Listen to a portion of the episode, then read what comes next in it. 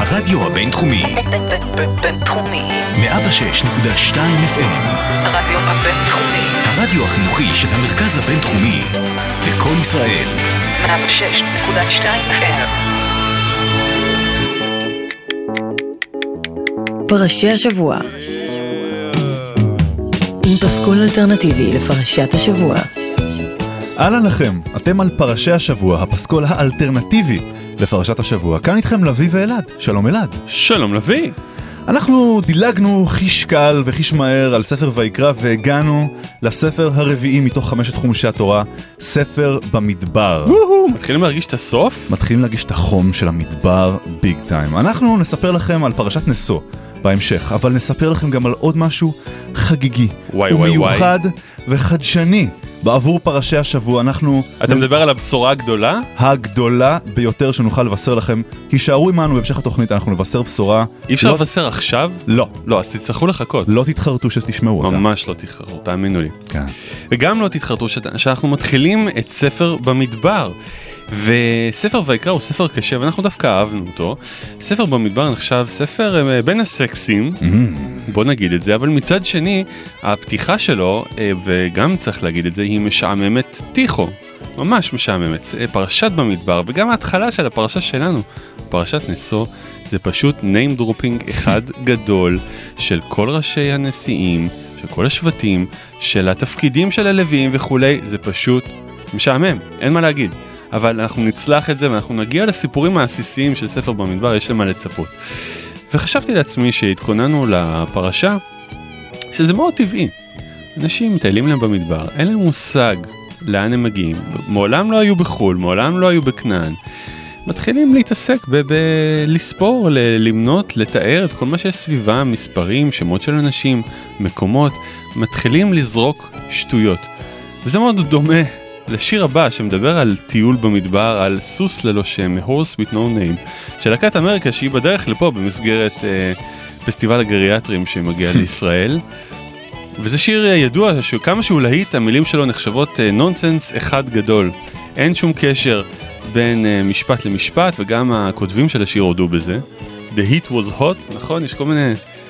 יש כל מיני מילים ו- ופרזות לא ברורות וכנראה שגם הם, כמו בני ישראל, הלכו במדבר, חטפו את מכת החום שלהם, אבל לפחות יצא להם מזה אחלה שיר.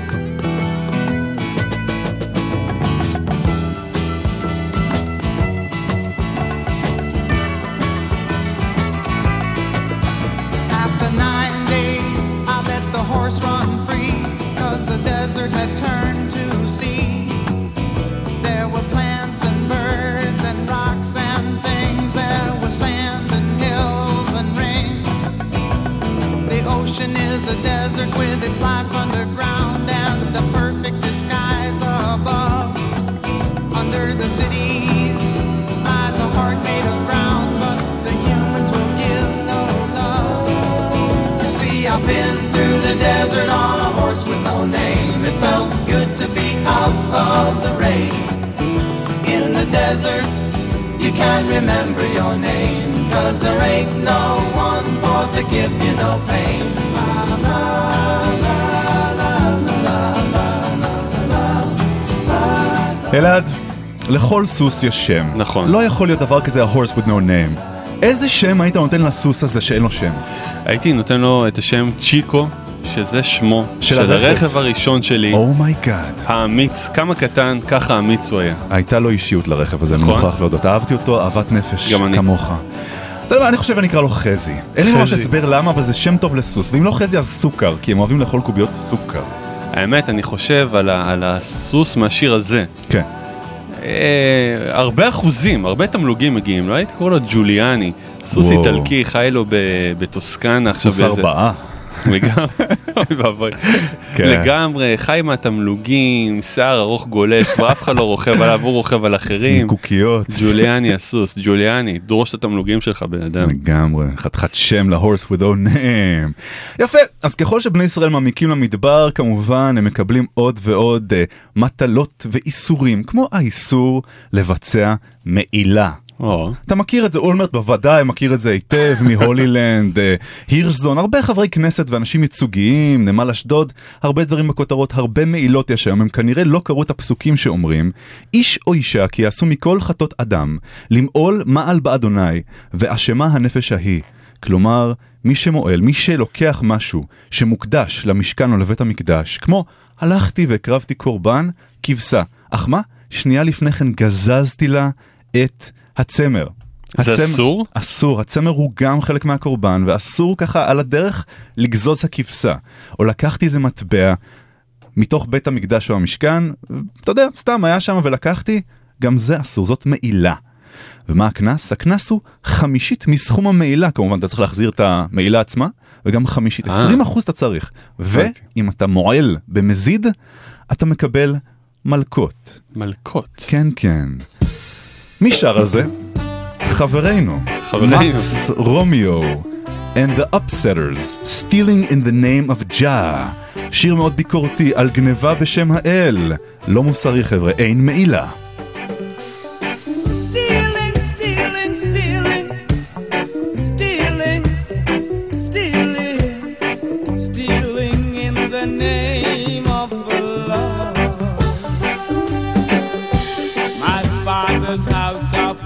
Worship has become a den of thieves, stealing in the name of the Lord.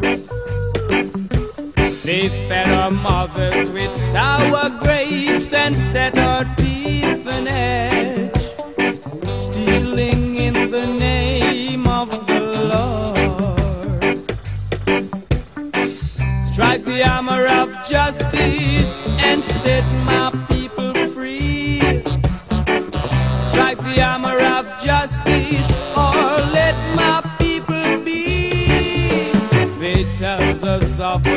heaven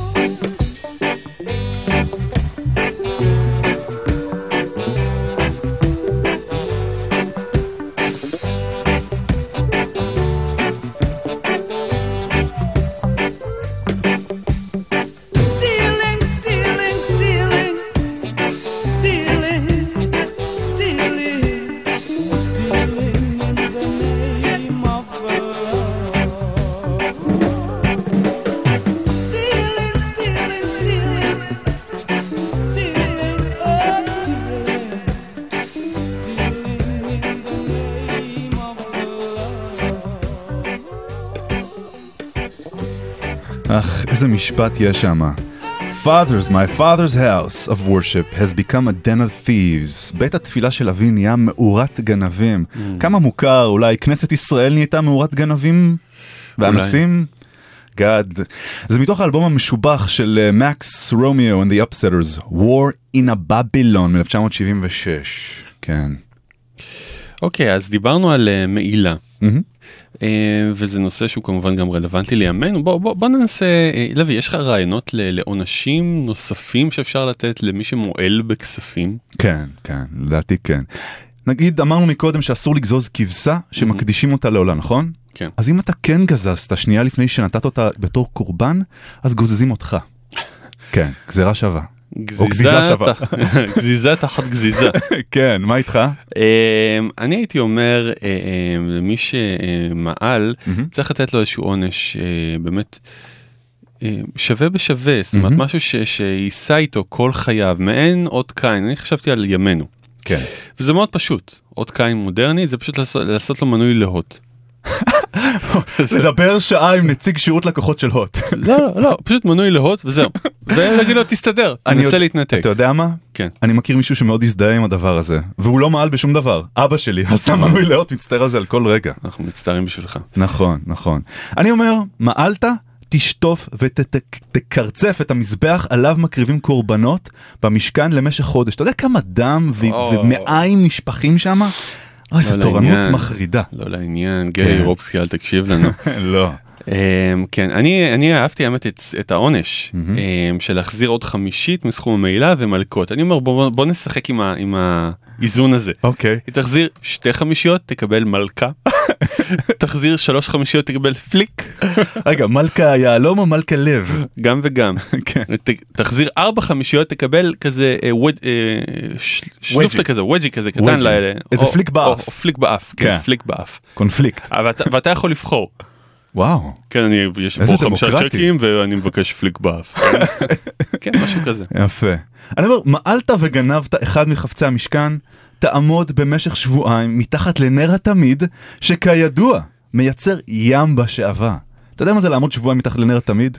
אוי ואבוי, זה, זה, זה. טיפול שעווה בחינם. לגמרי. אתה מדבר על גזיזה, על הראש. גזיזה שווה. כן.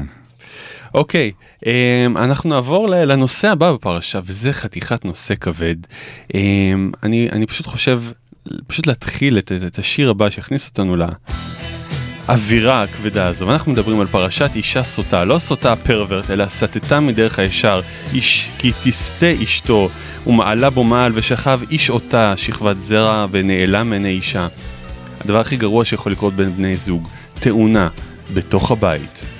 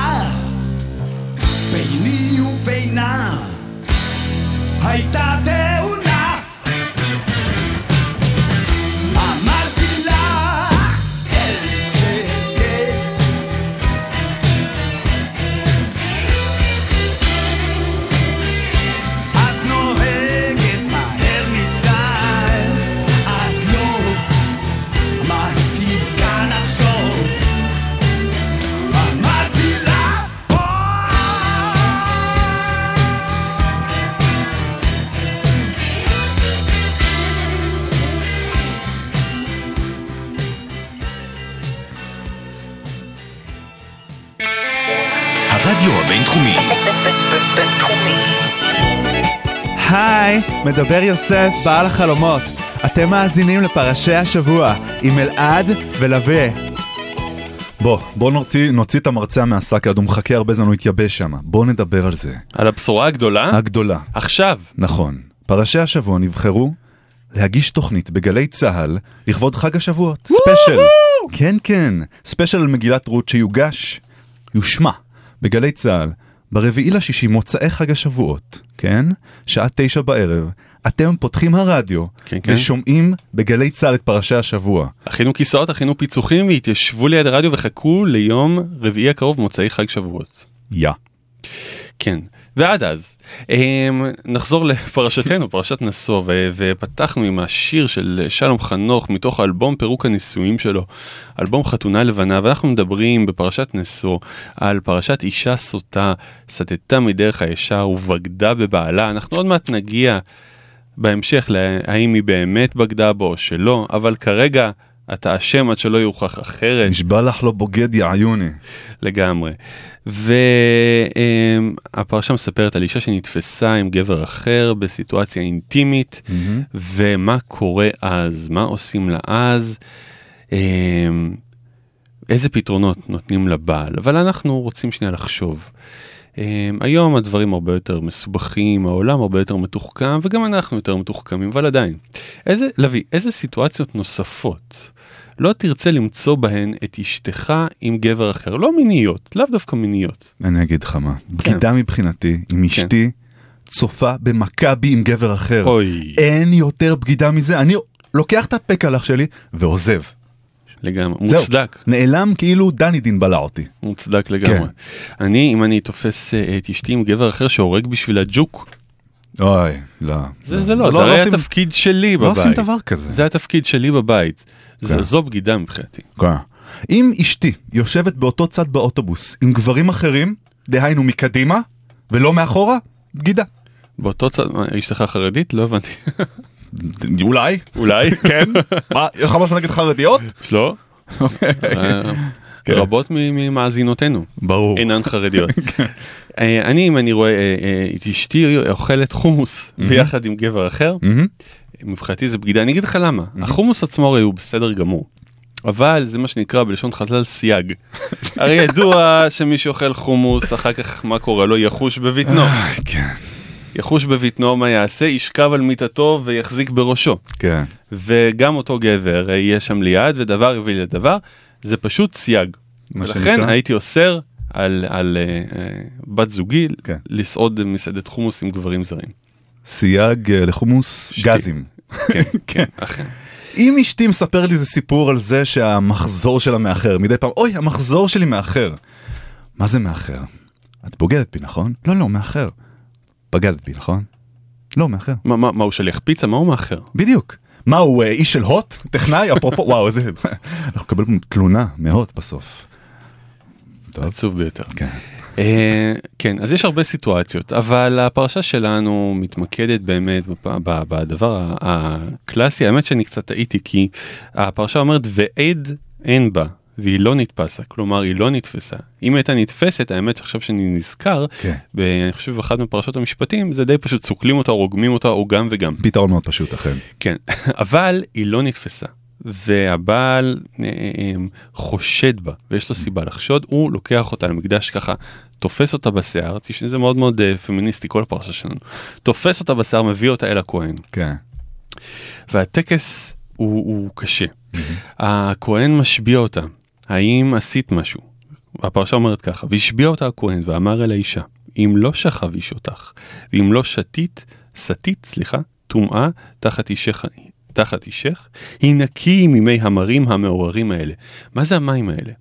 הכהן לוקח את הפרשה הזו, מוחק אותה, ככה גורס אותה לתוך המים, מערבב טוב טוב טוב, מוחק את המים ומשקה את האישה, ומשביע אותה שתגיד את האמת, מה היא עשתה? האם אתה מאמין לאישה ששותה או לא מאמין? מאוד מאוד מוזר. ירמי קפלן לדוגמה, בשיר הבא שלו, לא מאמין למילה אחת שאשתו אומרת לו כשהיא שותה. בטח אם לא בסיטואציה כזו מול כל העם שמשקים אותה במשהו שלך תדע מה באמת שמו לה בפנים. ירמי קפלן, כשאת שותה.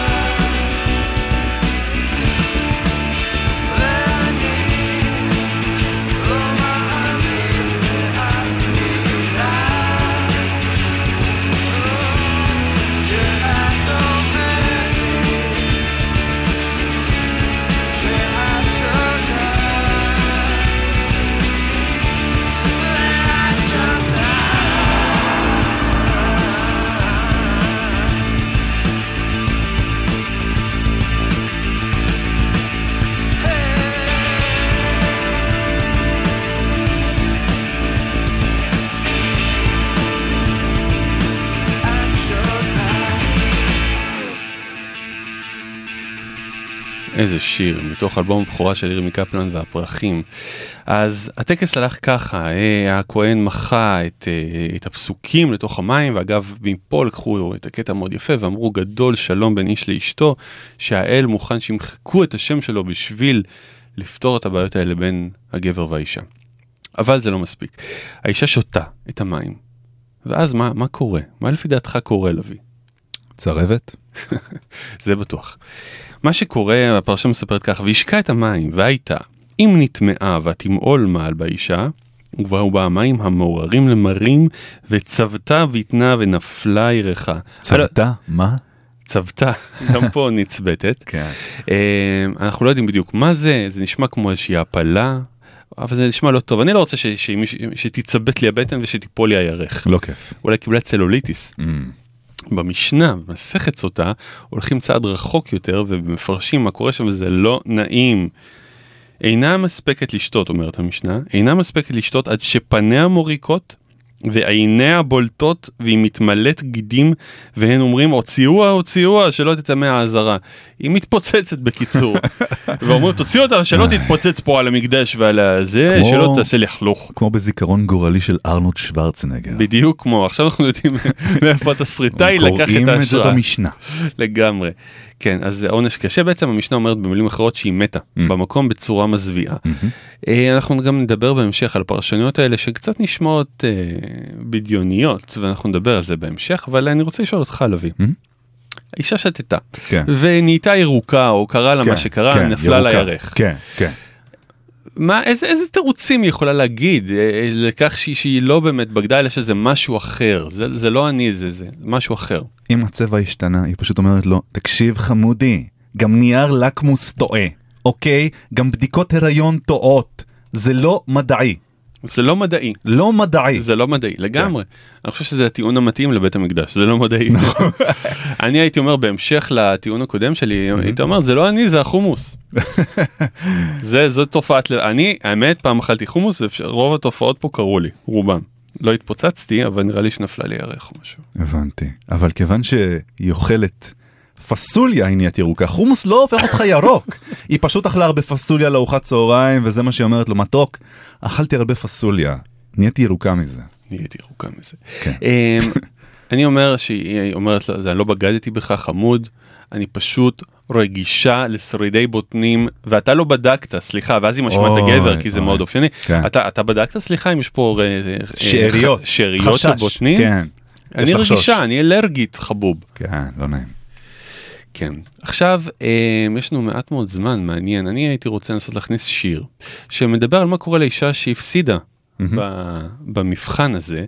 אה, וזה שיר שהוא, שהוא מיוחד, הוא מיוחד, אתה, זה הפתעה בשבילך ואנחנו נשמע אותו ואחרי זה תגיד לי מה, מה יש לך להגיד על השיר. סבבי. שירה של האישה שהפסידה במבחן המים.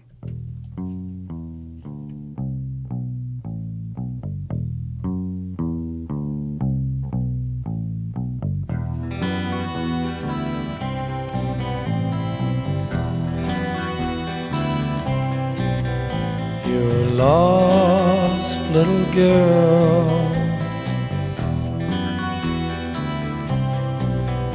You're lost, little girl. You're lost, tell me who are you? Think that you know what to do. Impossible, yes, but it's true. I think that you know what to do. Yeah, sure that you know what to do.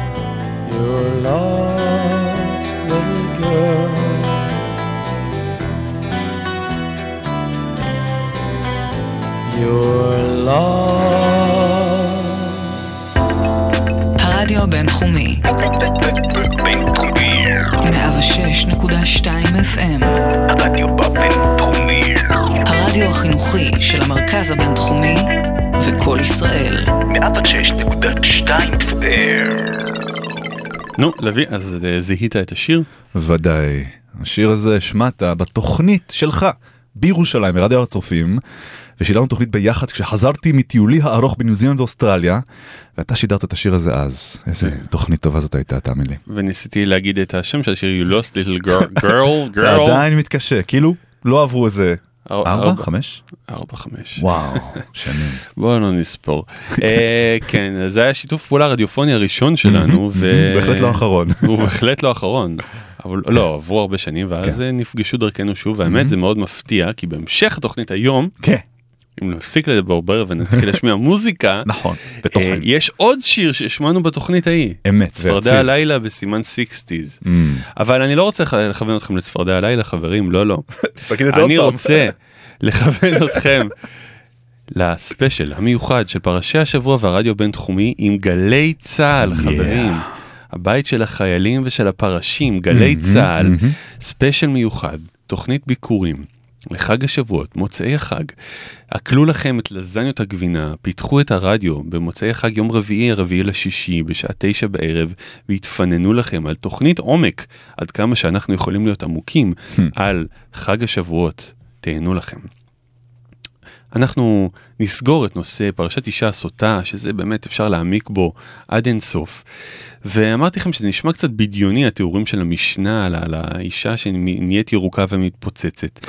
ובן אדם שלקח את זה צעד קדימה, הוא בן אדם שיש לו נגיעה גם עקיפה לתוכנית הזו. קוראים לו פרופסור ישי רוזנצבי, הוא היה מורה שלי לתנ"ך בתיכון, והשפיע עליי רבות. באהבה שלי לתנ"ך שהיא הייתה קיימת עוד לפניו, אבל בזכותו היא גדלה וגדלה. הוא לימד אותי לקרוא את התנ"ך לעומק. אותו הבן אדם הזה התפרסם אחר כך בנסיבות אה, קצת לא נעימות, קצת שמאלניות בסמך, אבל לא משנה. הוא פרסם דוקטורט על פרשת אישה סוטה וטען, כתב ספר שלם, הטקס שלא היה. הוא טוען, כן. מניתוח מדוקדק של המשנה, שהתיאור שם זה לא משהו שקרה. הוא אומר זה יותר מדי בוטה. לא יכול להיות שיהודים השפילו ככה נשים, לא בגלל שהם היו טובי לב, בגלל הם, הם, שגם אז היה חשוב להם צניעות. לא יכול להיות ש, שנשים התפוצצו ב, במקדש והפשיטו אותם ועשו להם דברים איומים נוראים. הוא טען שהטקס הזה פשוט לא היה. ואנחנו נשארנו עם השאלה, היה או לא היה? קרה או לא קרה? אולי כמו שהבעל שחושד באשתו נשאר עם השאלה בסופו של יום, היה או לא היה?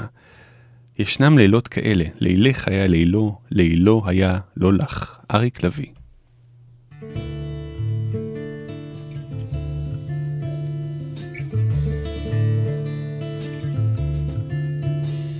בכל פגישה מקרית פורחת איזו תכלת, לכל מבט ראשון ניחוח עלילך, היה או לא היה, ישנם לילות כאלה, לילך היה לילו, לילו היה לא לך, נפגשו במקרה, גם מקרים בימינו, היא הייתה עצובה, הוא שקט ושתוי.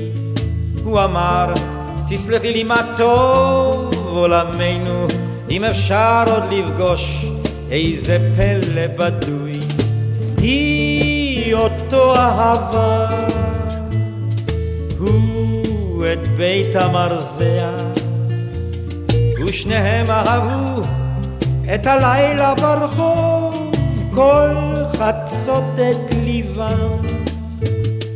עד ביתה הירח, הוא חייך ליל מנוחה, היא שתקה לילה טוב. היה או לא היה, הפשר לא נודע לי, לילה היה לילו, לילו היה לא לה, בכל פגישה מקרית יש משהו פטאלי, יש לחן גורלות, בלב העלילה היא אותו אהבה. הוא אהב את היין, ושניהם אהבו ללקט כוכבים. הירח אהב את שניהם, כי עדיין הירח אוהב לאהוב אהובים, ושתקו יראים לנפץ את השקט, רק ליטוף אישוניו מלטף את הראש, היא קנאה ביינו, כי שפתו מתנשקת עם כוסית אדומה מחשמל ותירוש, היה או לא היה, היא עוד תוחלת, על סף דלתה הצר, גבעו הרבה לילות, היה או לא היה, חלום בדוי או פלא, לילו היה לא לה, לילה שלו עד כלות, הימים לא חיכו, כה חובזים בימינו, הימים שהסכינו לחתור אל החוף, היא חשבה מה איום ומצחיק עולמנו, אם אפשר בו עדיין כל כך לאהוב. היא אותו אהבה, הוא את בית המרזח, ושניהם אהבו את הפחד החד, הימים לא חיכו, ושמע הירח את לחשה אומר לו בלילה אחד, והיה או לא היה, תמימות היא או איוולת, לילי היה לילך, לילך היה לא לי, בכל פגישה מקרית, נרצחת איזו תכלת, עייפתי לאהוב, שלום לך, לא לי, שלום לך, לא לי, שלום לך, לא לי, שלום לך, לא לי, שלום לך, שלום. וואו, יא, אריק לביא, what a king, מלך האריות ומלך העריקים, או האריקים. בסמיכות לפרשת הסוטה, מובאת לנו פרשה אחרת בפרשת נשוא, הפרשה של הנזיר. משה אומר לבני ישראל, איש או אישה, כי יפלי לנדור נדר, נזיר להזיר לאדוני. מדוע אנשים בכלל נהיים נזירים? כי יש אומרים שהם משרתים את הבורא בצורה טובה יותר, מבלי שהם בכלל נקשרים לכל מיני תאוות נפש וגוף, כמו יין. אסור לנזיר לשתות יין, אסור להם לגדל שיער כדי שלא יתעסקו באסתטיקה, וגם הם צריכים להימנע מטומאת מת, אפילו אם זה קרוב משפחה שלהם, אסור להם להתקרב למתים כדי להישאר טהורים. אגב, אסור להם לשתות יין, אולי זאת הסיבה שיש סמיכות בין פרשת סוטה לפרשת נזיר, כיוון שלנזירים אסור, אסור לשתות יין, ואולי סוטות נהיות סוטות כי הן שותות יין. כך או כך, אני אוהב להסתכל על העניין של הנזירים בספקטרום רחב יותר, אפשר להגיד, כיוון שמחוץ לעולם הזה של היהודים, יש את הנוצרים שהם נזירים, הם מסתגפים מעוד דברים כמו מגע, מיני למשל, הנאות אחרות, הם מסתגפים לעצמם, שלא כמו הנזירים היהודים, שלא כמו שמשון הגיבור ששיחק אותה עם דוקים, עם דלילה. וככה שר מיכה שטרית, אני נמנע ממך ועוזב את הכל, על נזיר שגם הסתגף ולא רק לא שתה יין, הוא גם נמנע ממגע עם אישה. אני נמנע ממך והולך אל הים בשפל גאוותי. ריק כמו צדף. לא נשבר סלע. לא ניתז כמו מים. הולך כבד. לוחץ על החול. יורק מול הרוח וחוטף בפנים. כמו בכל פעם שאני מוציא בפנים אני נמנע ממך. אני נמנע ממך. הולך כבד, מוחץ על החול.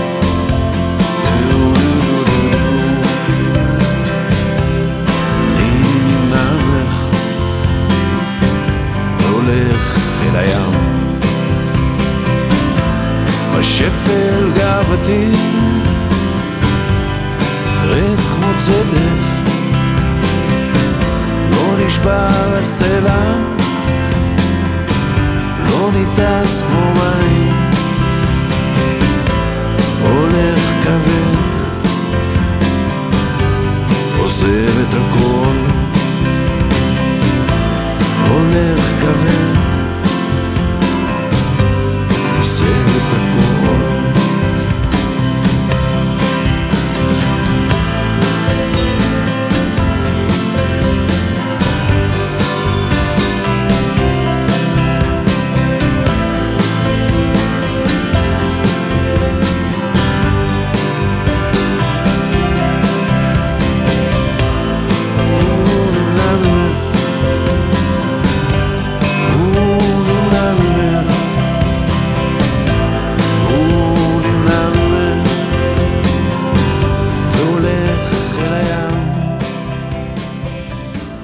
אלעד, אם היית צריך להתנזר ממשהו, אם בחרת לחיות כנזיר, ממה היית מתנזר?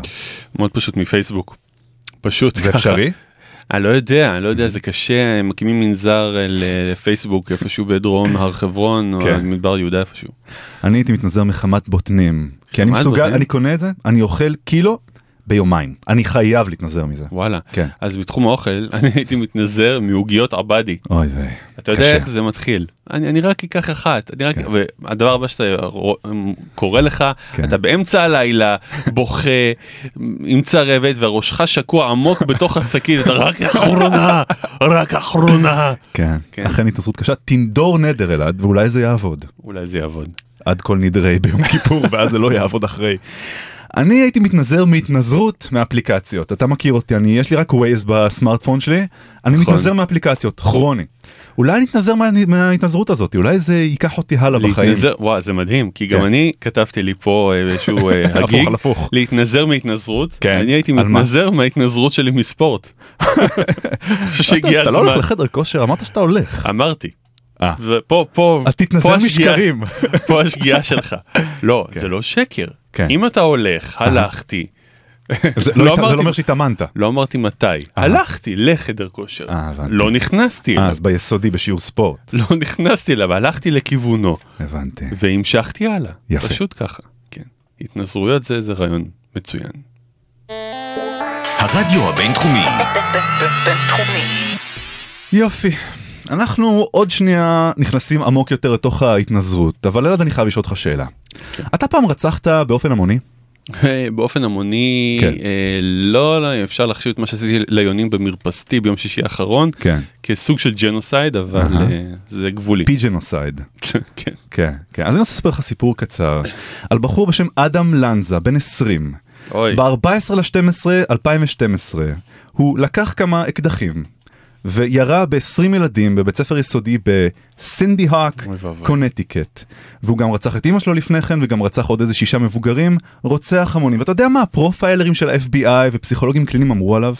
אמרו עליו שהוא מתבודד, מוזר ומופנם. אני חושב, אלעד, אם עושים ניתוח פסיכולוגי לנזיר, אני חושב שמתנזרים מהחברה, מה society, הם אנשים שיכולים גם להתפוצץ החוצה, explode, ולרצוח באופן המוני. אני חושב שיש פה משהו. להבדיל, סיימון וגרפנקל מדברים על התפוצצות פנימה של נזירים כאלה מהחברה. imploding, התפוצצות פנימה. הם שרים את שירם על a most peculiar man, איש מוזר מאוד, שחי לבדו, ומסיים גם את חייו לבדו.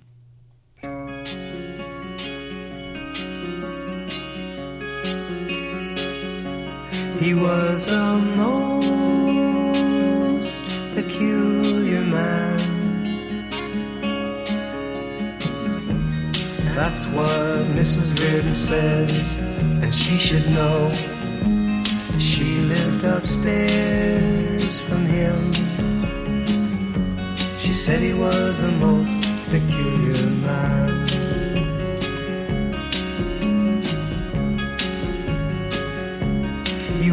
A most peculiar man. He lived all alone within a house, within a room, within himself. A most peculiar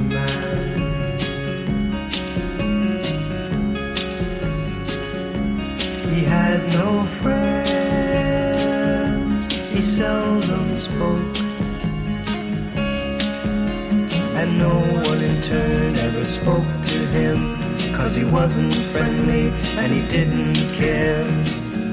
And he wasn't like them, oh no, he was a most peculiar man.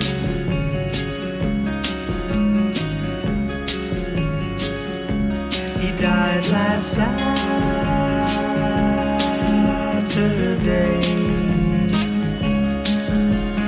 Turned on the gas and he went to sleep with the windows closed so he'd never wake up to his silent world and his tiny room. And Mrs. Reardon says he has a brother somewhere who should be notified soon. And all the people said, What a shame that he's dead. But wasn't he a most peculiar man?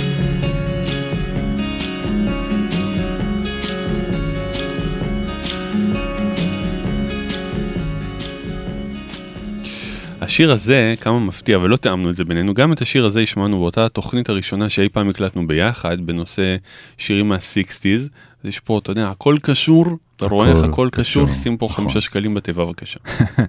הנושא הבא שאנחנו מתגלגלים אליו הוא ברכת הכהנים. או, עוד נושא אישי. כן, נכון, שנינו כהנים למי שלא שמע באלף תוכניות שדיברנו על זה, פגומים אמנם. האל מבקש ממשה לבקש מהכהנים לברך את העם בברכה המשולשת בתורה. יש שלושה פסוקים של ברכה שהכהנים עד היום מברכים את הקהל בבית הכנסת. עכשיו, אה, הטקסט הקדום ביותר שנמצא ארכיאולוגית הוא של ברכת הכהנים. וזה די מעניין, משלהי בית ראשון, אה, די יפה העניין הזה. אני כתבתי איזה קטע אקספרימנטלי על הניסיון שלי, קטע אוטוביוגרפי, על היותי כהן צעיר, ואנחנו נשמע אותו. אני אתחיל בהתחלה של זה, בהתחלה של ברכת הכהנים. אשר קידשנו בקדושתו של אהרון, וציוונו לברך את עמו ישראל באהבה. ברכת הכהנים. זה היה חלק ממני, מהילדות שלי. כנצר לאהרון הכהן, הייתי עולה כל שבת בתפילת המוסף עם אבא ושלומי לבימה שלפני ארון הקודש. אבא היה משוחח עלינו בטליתו, והיינו מברכים את הקהל הרב בבית הכנסת.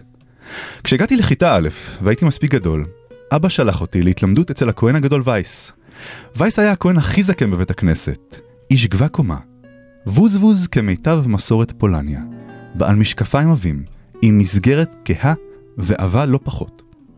לאיש הגדול היה קול רך ומלודי, בניגוד מוחלט למראה שלו. כשהייתי עולה איתו לבימה, הייתי עוקב אחריו בדריכות. הייתי מנשק אחריו את הפרוכת של ארון הקודש, מתכופף איתו לכדי קידה, בתפילת מודים, ונכנס מתחת לטליתו הגדולה, כשהיה מכסה את עצמו לפני הברכה. כשהחיין, כשהחזן היה מכריז על ברכת הכהנים, הייתי מסתובב עם וייס לעבר הקהל. החזן היה אומר מילה מהברכה, ואנחנו היינו חוזרים אחריו.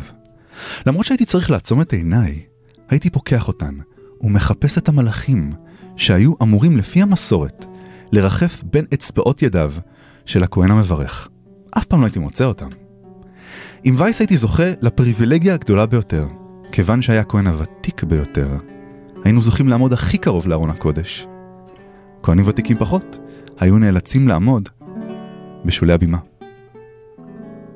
לאחר הברכה וייס היה מוריד את טליתו מראשו ומחזיר אותה לכתפיו. הוא היה לוקח ציצית, ציצית אחת מהטלית, נוגע איתה בפרוכת ומנשק אותה. לאחר מכן הייתי לוקח את הציצית שלו ועושה כמוהו. לאחר סיום תפילת החזן היינו יורדים מהבימה, תוך כדי הליכה הפוכה, כשפנינו לארון הקודש, כדי לתת כבוד לתורה. אחר כך היינו נועלים את הנעליים שחלצנו לפני ברכת הכהנים. כילד אני זוכר את הגאווה שחשתי ככהן. הלוויים היו רוחצים את ידינו לפני הברכה.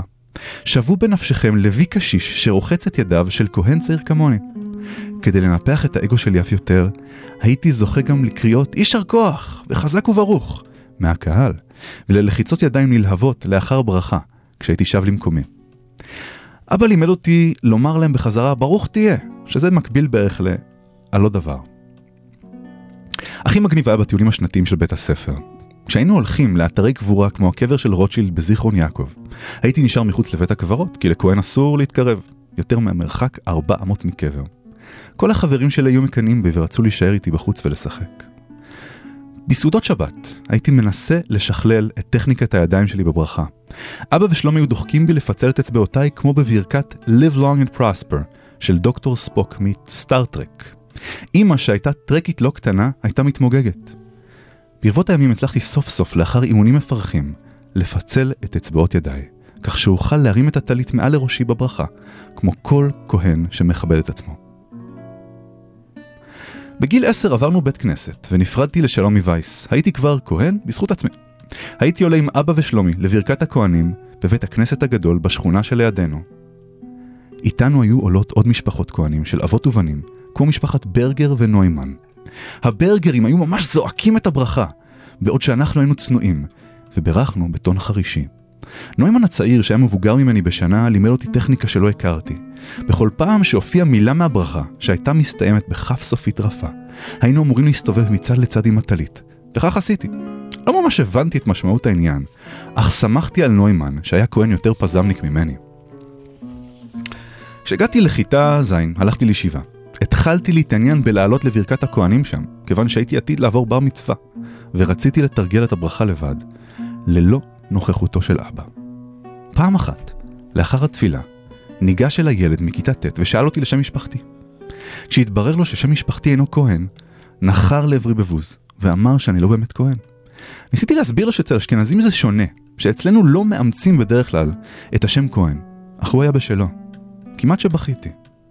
שנים אחר כך, כששמעתי על הבדיקה הגנטית שמאפשרת לבדוק אם קיים בגוף הגן של אהרון הכהן, עברה במוחי המחשבה לעבור את הבדיקה, רק כדי להחזיר לעצמי קצת מהכבוד האבוד שלי מכיתה ז'.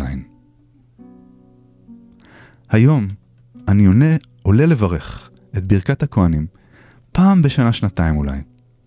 וייס הגדול בוודאי כבר נאסף אל אבותיו הכהנים, וכבר אין מי שישוחח ויגונן עליי בטליתו הגדולה. ואני, אני עדיין מנסה להציץ ולראות מלאכים בין אצבעותיי בכל פעם שאני מברך. יאר אדוני פניו אליך וישם לך שלום.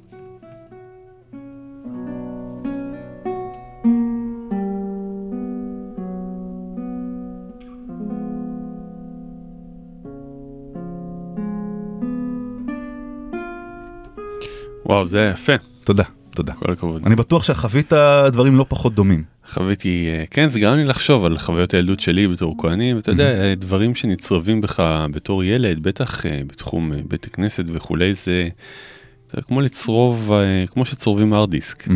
זה לא, לא נמחק. זה לא נמחק. עד כן. שיש בטעות לך הפסקת חשמל ואז זה כן נמחק. לא עלינו. לא עלינו. כן.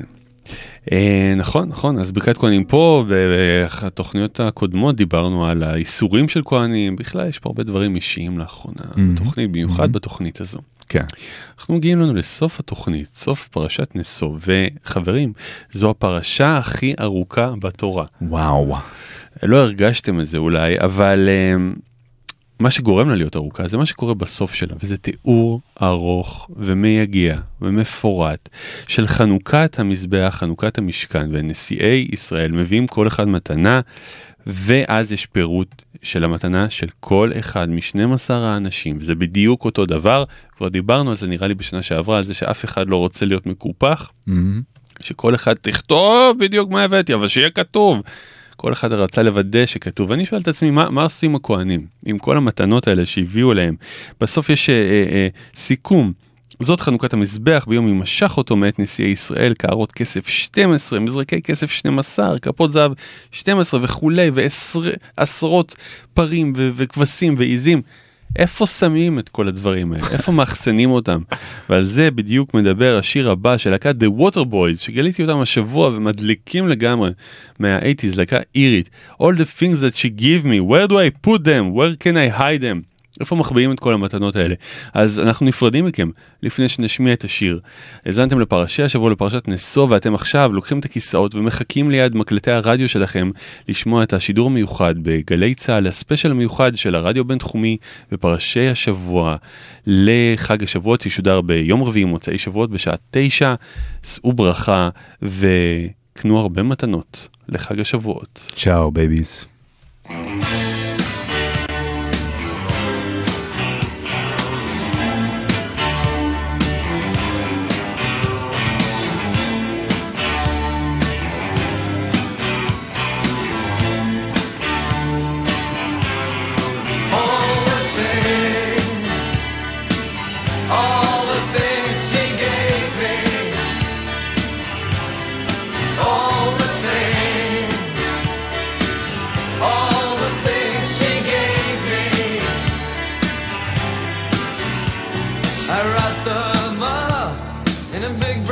box, tied it with ribbon, drove to the docks, checked my time by the old town clock, all the things.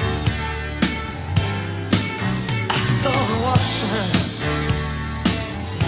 He was blowing into cupped hands as he walked to the car. He said,